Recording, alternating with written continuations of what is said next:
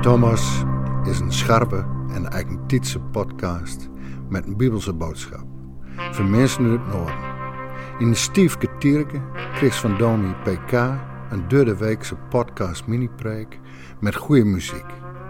Thomas wil behulpzaam worden bij het leren kennen en het navolgen van de man van Nazareth. In een tijd dat door Horst droods verwedden moest.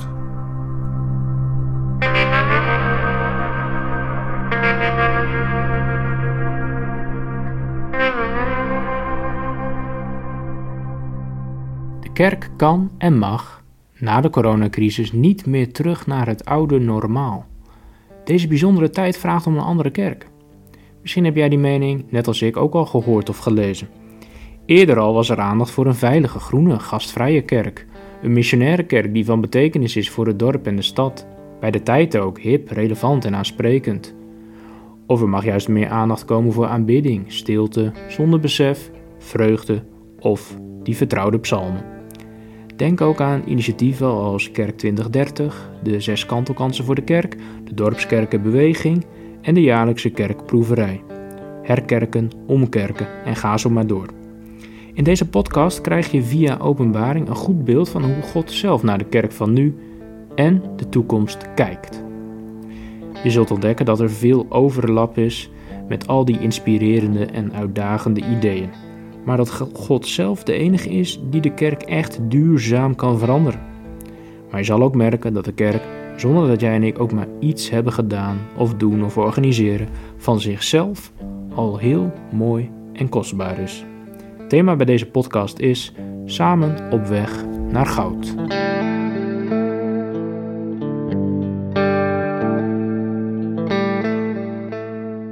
Doe kwam een van de zo'n engels met de zo'n skalen, vol van de laatste zo'n plegen, en spreekt mij zo aan, liet mij de breid, de vrouw van het laam, wijzen. En hij bracht mij in de geest op een grote, hege berg, en liet mij de heilige stad Jeruzalem zien, die te del kwam uit de hemel, bij God wij, met de glorie van God. De glans daarvan liep het op een tige, kostbare steen, een kristalklere jaspers. Er wie een manske hege morren omhinnen, met tolve poorten, en op die poorten tolve engels. Daar stenen ek namen op skreun, die binnen van de tolve stammen van het volk Israël. Treie poorten aan de eestkant, treie aan de noordkant, treie aan de zuidkant en treie aan de westkant. De moorden van de stad wie op tolve stenen opzet. Daar stenen de tolve namen op van de tolve apostels van het laan. Die mij, mij spreek hing een gouden meetstok, om de stad, haar poorten en haar moren op te meten. De stad lei daar in het fjouwerkant. De langte wie lieke grut als de breedte. Hij meet de stad op met zijn stok. Duizend staatjes. Haar langte en breedte en hichte wie een gelijk. Doe meet er haar muren op. 144 jelne nevens de meerte van de meesken die de engel broekte. De moore is bouwd van jaspersteen en de stad is van zuiver goud, zo als glas. De groenstenen van de moore van de stad binnen mij allerlei edelstenen versierd. De eerste steen is jaspers, de tweede lazuursteen, de derde chalcedon, de vierde smaragd, de vijfde sardonyx, de zesde sadium de zesde goudsteen, de achtste beryl, de negende topaas, de tiende chrysopraas, de elfde hyacint, de tolfde amethyst. De tolve poorten binnen tolve perels. Ja, de poorten wie een stik voor stik uit één perel. En de stritten van de stad wie van zuiver goud, trogskinnend als glas. Een tempel zeg ik net in die stad, want God de Heer, de Almachtige, is zelfs haar tempel en het laam. De stad had er echt geen verlet van dat zinnen of mannen haar beskinnen, want Gods glorie verjocht het haar, en haar lampen is het laam.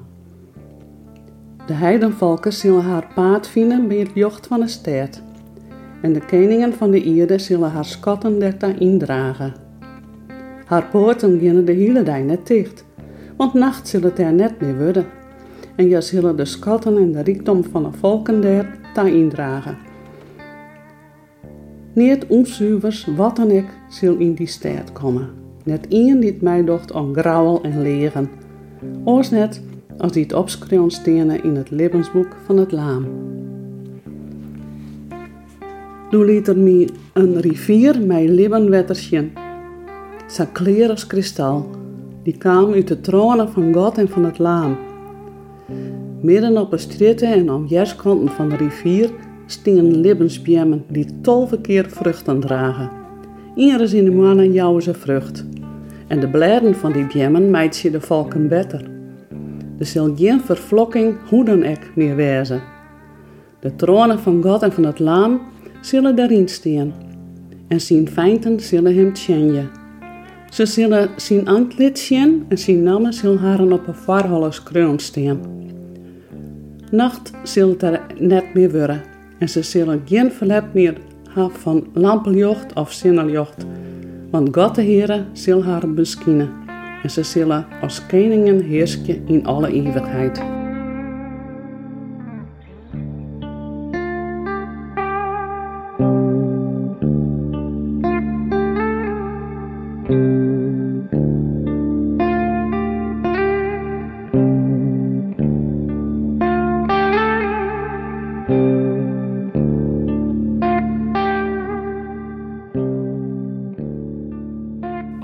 Openbaring 21 is het einde van het visioen dat de apostel Johannes een dag lang te zien krijgt.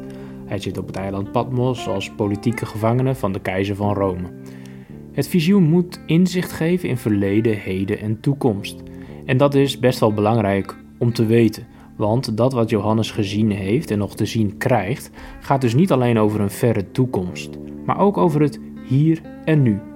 Vanuit de woestijn heeft Johannes net de ondergang van de stad Babylon gezien. Een koude, kille stad, zonder groen, feest of muziek. Een stad die ook nog eens vergeleken wordt met een harteloze hoer. Er wonen mensen die leven zonder God en hun vertrouwen stellen op geld, techniek en macht, met alle destructieve gevolgen van dien. En daarnaast krijgt Johannes vanaf een hoge berg de stad Jeruzalem te zien, verkleed als een bruid op haar mooist. De gemeente, de kerk, is dus en bruid en stad tegelijk. Het beeld van de bruid ken je misschien ook uit het Oude Testament, waar de band tussen God en zijn volk wordt vergeleken met de relatie tussen bruid en bruidegom. Zo sterk is Gods liefde voor de gemeente. Wat ook nog belangrijk is om op te merken, is dat de stad uit de hemel komt neerdalen. God is de architect en aannemer van deze stad. Want de stad komt bij hem vandaan. Hij alleen kan de kerk veranderen in iets moois. En dat de stad uit de hemel aan het neerdalen is, wil ook zeggen dat wat je nu te zien krijgt ook nu al werkelijkheid is. De stad is en hoe God de gemeente nu al waardeert, wat nu al zichtbaar mag zijn in de kerk en in de gemeente, en waar het hoopvol naartoe gaat.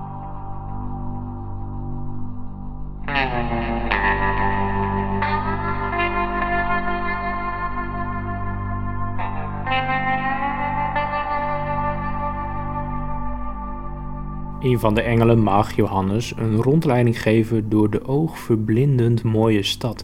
De schitterende schoonheid van de stad kan alleen met het meest waardevolle uit Johannes' tijd en omgeving vergeleken worden: een kristalheldere diamant. De stad heeft indrukwekkende diamanten muren die veiligheid garanderen. En de twaalf poorten staan richting alle windrichtingen en volken uitnodigend open. Op de poorten en grondstenen kan je in graffiti street art de namen herkennen van de twaalf stammen en apostelen. Wie door een parelpoort naar binnen loopt, weet: ik hoor bij Israël en, dank mijn geloof, aan het fundamentele getuigenis van de apostelen. Wanneer de engel de stad gaat meten met een gouden meetlint, blijkt de stad zelf ook van doorzichtig zuiver goud te zijn. Dat wil zeggen, belangrijk en waardevol in de ogen van God. Bij nadere studie van de stadsplattegrond blijkt de stad in hoogte, lengte en breedte gelijk te zijn. De stad is zo groot als hoe groot de aarde toen werd gedacht. Oftewel, de hele aarde is Gods tempel geworden en er is ruimte voor miljoenen mensen.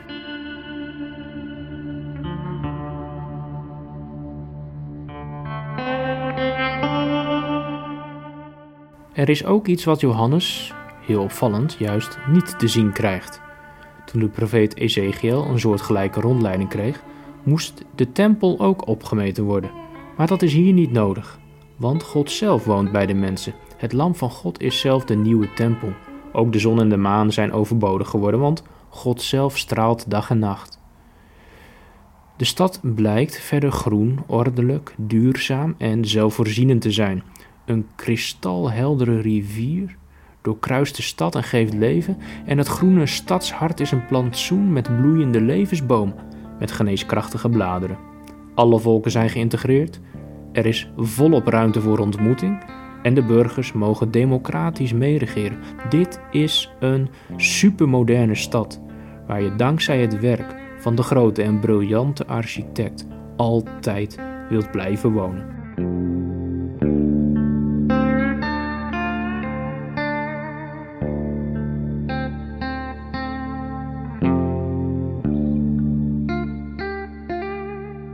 Zo'n visioen kan voor jou en mij al behoorlijk sprookjesachtig en wereldvreemd overkomen. En ik vraag me tijdens het lezen dan ook af: hoe is dat voor die eerste lezers geweest? Wat moesten die in de lieve vrede met zo'n sprookjesbeeld, met zo'n prachtige stad? Je moet je voorstellen, de gemiddelde lezer uit een van die zeven gemeentes kon wel wat opbouwende woorden gebruiken. Religie, macht, economie waren sterk met elkaar verweven, zodat je als volgeling van Jezus eigenlijk geen leven meer had. Mooie netwerkfeesten bij prachtige tempels, ja, die moest je opgeven.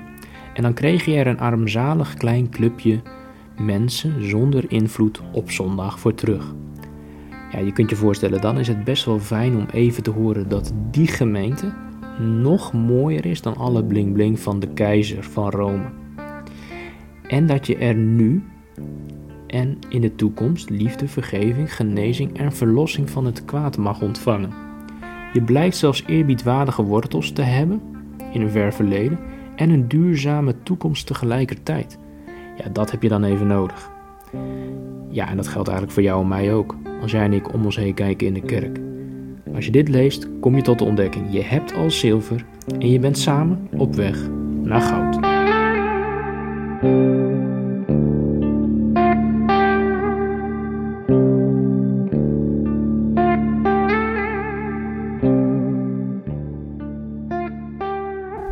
Bijbel kun je verschillende beelden voor de kerk vinden: de gemeente, de kerk als volk, tempel, kudde of lichaam. In dat rijtje mag het beeld van deze door God geliefde, duurzame, gastvrije en aantrekkelijke gemeente en kerk als stad en bruid niet ontbreken. En vergeet niet, dit beeld gaat niet alleen over de toekomst. Het is nu al deels werkelijkheid. Als je dat gaat zien, bepaalt dat ook nu al je blik waarmee je naar de plaatselijke en wereldwijde kerk kijkt. Probeer de schoonheid van de gemeente te blijven zien of juist meer te gaan zien. De stad is namelijk nu al aan het neerdalen en dat kun je nu al om je heen gaan zien. En leren waarderen. Als ik eerlijk ben, vind ik het makkelijker om die dingen op te merken die ik graag anders zou willen zien. En wat is een lelijke opmerking over de kerk snel gemaakt? Maar dan gaat het wel over de mooie bruid van Christus. Probeer zonder weg te kijken voor wat niet goed is, te beginnen met waarderend spreken over de gemeente, de wereldwijde kerk. Tweede wat ik wil noemen, is dat de volmaakte gemeente toch echt bij God zelf vandaan komt. Je mag plannen maken, met inspirerende en uitdagende ideeën komen, het kwaad actief buiten de deur houden werken aan een gastvrije, open en aansprekende gemeente. Ja, want die stad komt nu al uit de hemel neerdalen. Het is nu al werkelijkheid.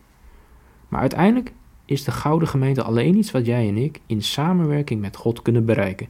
Die volmaakte stad en gemeente komt alleen biddend dichterbij.